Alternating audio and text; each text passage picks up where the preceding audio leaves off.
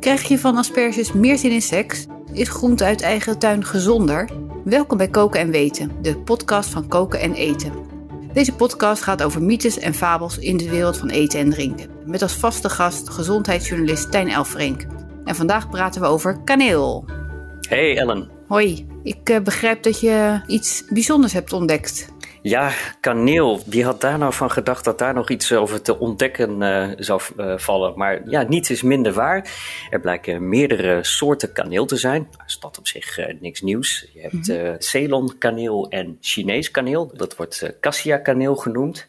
Ja. En dat zijn toch wel echt verschillende soorten. En die worden ook gewoon bij de, beide in de supermarkt uh, verkocht. Dus ja, over het algemeen, of je nou de een of de andere in je appeltaart uh, stopt, dat maakt allemaal niet zo heel veel uit. Mm -hmm. Het is wel zo dat die uh, Chinese kaneel, die is stukken goedkoper. Ja. En die bevat ook een bepaalde stof, coumarine. Mhm. En die coumarine, ja, daar moet je toch wel een beetje voor uitkijken. Die, uh, ja, dat, als je dat gebruikt, dan kun je daar uh, bloedingen van krijgen. En het is uh, ja, heel toxisch, dus giftig voor je lever. Dus nogmaals, ja, in normale hoeveelheden, bijvoorbeeld in je appeltaart of in een uh, speculaasje, is er allemaal niet zo heel veel aan de hand. Mhm. Maar wat ik ontdekte, is dat er ook fabrikanten zijn die deze Chinese kaneel in voedingssupplementen stopt. En in die hoeveelheden ja, is het toch wel heel gevaarlijk. Ja, ja, dan gaat het niet meer om een snufje, begrijp ik. Maar dan gaat het echt om nee, grammen. dan gaat het echt om uh, grammen inderdaad. En ik heb een wetenschapper uit uh, Wageningen gevraagd, uh, Renger Witkamp, dat is een hoogleraar. Mm -hmm. En die heeft berekend of die hoeveelheden die deze fabrikanten aanraden, en die lopen op tot 2000 milligram, dus 2 gram, of die mm -hmm. gevaarlijk kunnen zijn voor je, volks, voor je gezondheid. En mm -hmm. hij zegt ja, dat is, dat is absoluut het geval.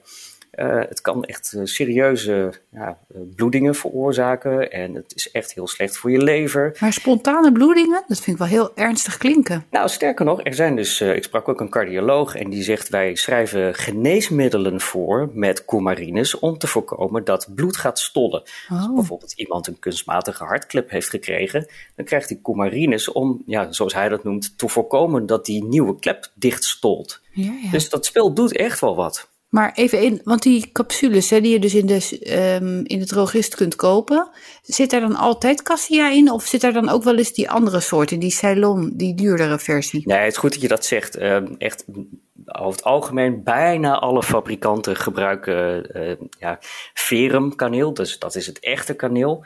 Mhm. Mm -hmm. En er zijn een paar fabrikanten, ja, uh, die gebruiken dat, uh, dat goedkopere. En ja, een andere hoogleraar uit Leiden, Adam Cohen, die zegt ook, ja, dat is gewoon pure misleiding om kaneel duur te verkopen.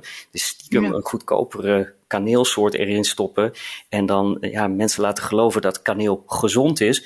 Daarvan mm. zegt hij sowieso, ja, dat is echt klinkklare onzin. Kaneel is niet gezond. Ja, heel veel mensen gebruiken het omdat er veel antioxidanten in zitten. Mm. Ja, en over het algemeen denken we daarvan dat die voor ons uh, ja, gezond zijn. Maar dat, ja, daarover is zeker nog niet het laatste woord gezegd. Dus gebruik kaneel sowieso niet omdat je denkt dat het gezond is. Gebruik het vooral omdat het lekker is. Maar kaneelcapsules, en dan zeker die met Chinees kaneel, laat die vooral staan. Ja, snap ik. En ik begrijp dat uh, jij hebt ook nog uh, bij de um, producent uh, gevraagd van hoe dat nou zit en hoe reageerde die? Ja, een van de fabrikanten die schrok eigenlijk wel. Dat is SNP en die heeft gezegd meteen alle potjes met dit Chinese kaneel uit de handel te hebben teruggehaald. Zo. En ze gaan heel snel een, een alternatief ontwikkelen met een ander soort kaneel. Dus capsules met, nou, ik ga er vanuit verum kaneel of een derde soort kaneel. En een andere winkel, Holland Barrett, zegt: Ja, wij zijn er nog niet helemaal van overtuigd dat die capsules de gezondheid van onze klanten kunnen schaden. Zij zeggen: Ja, er zijn ook andere onderzoeken.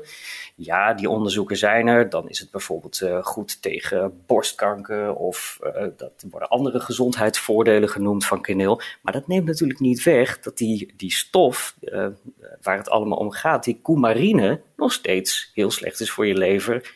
En dus ook uh, bloedingen kan veroorzaken. En mogelijk kankerverwekkend kan zijn, begrijp en, ik. Inderdaad, mogelijk kankerverwekkend. Dat is ook nog een punt, zoals Ellen Kampman, weer een andere hoogleraar, zegt. Ja. Goh, nou ja, ik eh, blijf natuurlijk wel gewoon kaneel gebruiken in mijn, uh, in mijn ontbijt. Want dat vind ik heel lekker in, in de appeltaart. Dat moet je zeker doen. Maar die capsules, die, die laat ik uh, maar gewoon staan. Ja, het is wel verstandig als je ontbijt bijvoorbeeld met kaneel. En, en daar gaan, nou, gaat een theelepeltje in of misschien wel meer. Dan kan het toch wel verstandig zijn om eens even op de verpakking te checken welke soort kaneel welke je nou eigenlijk gebruikt.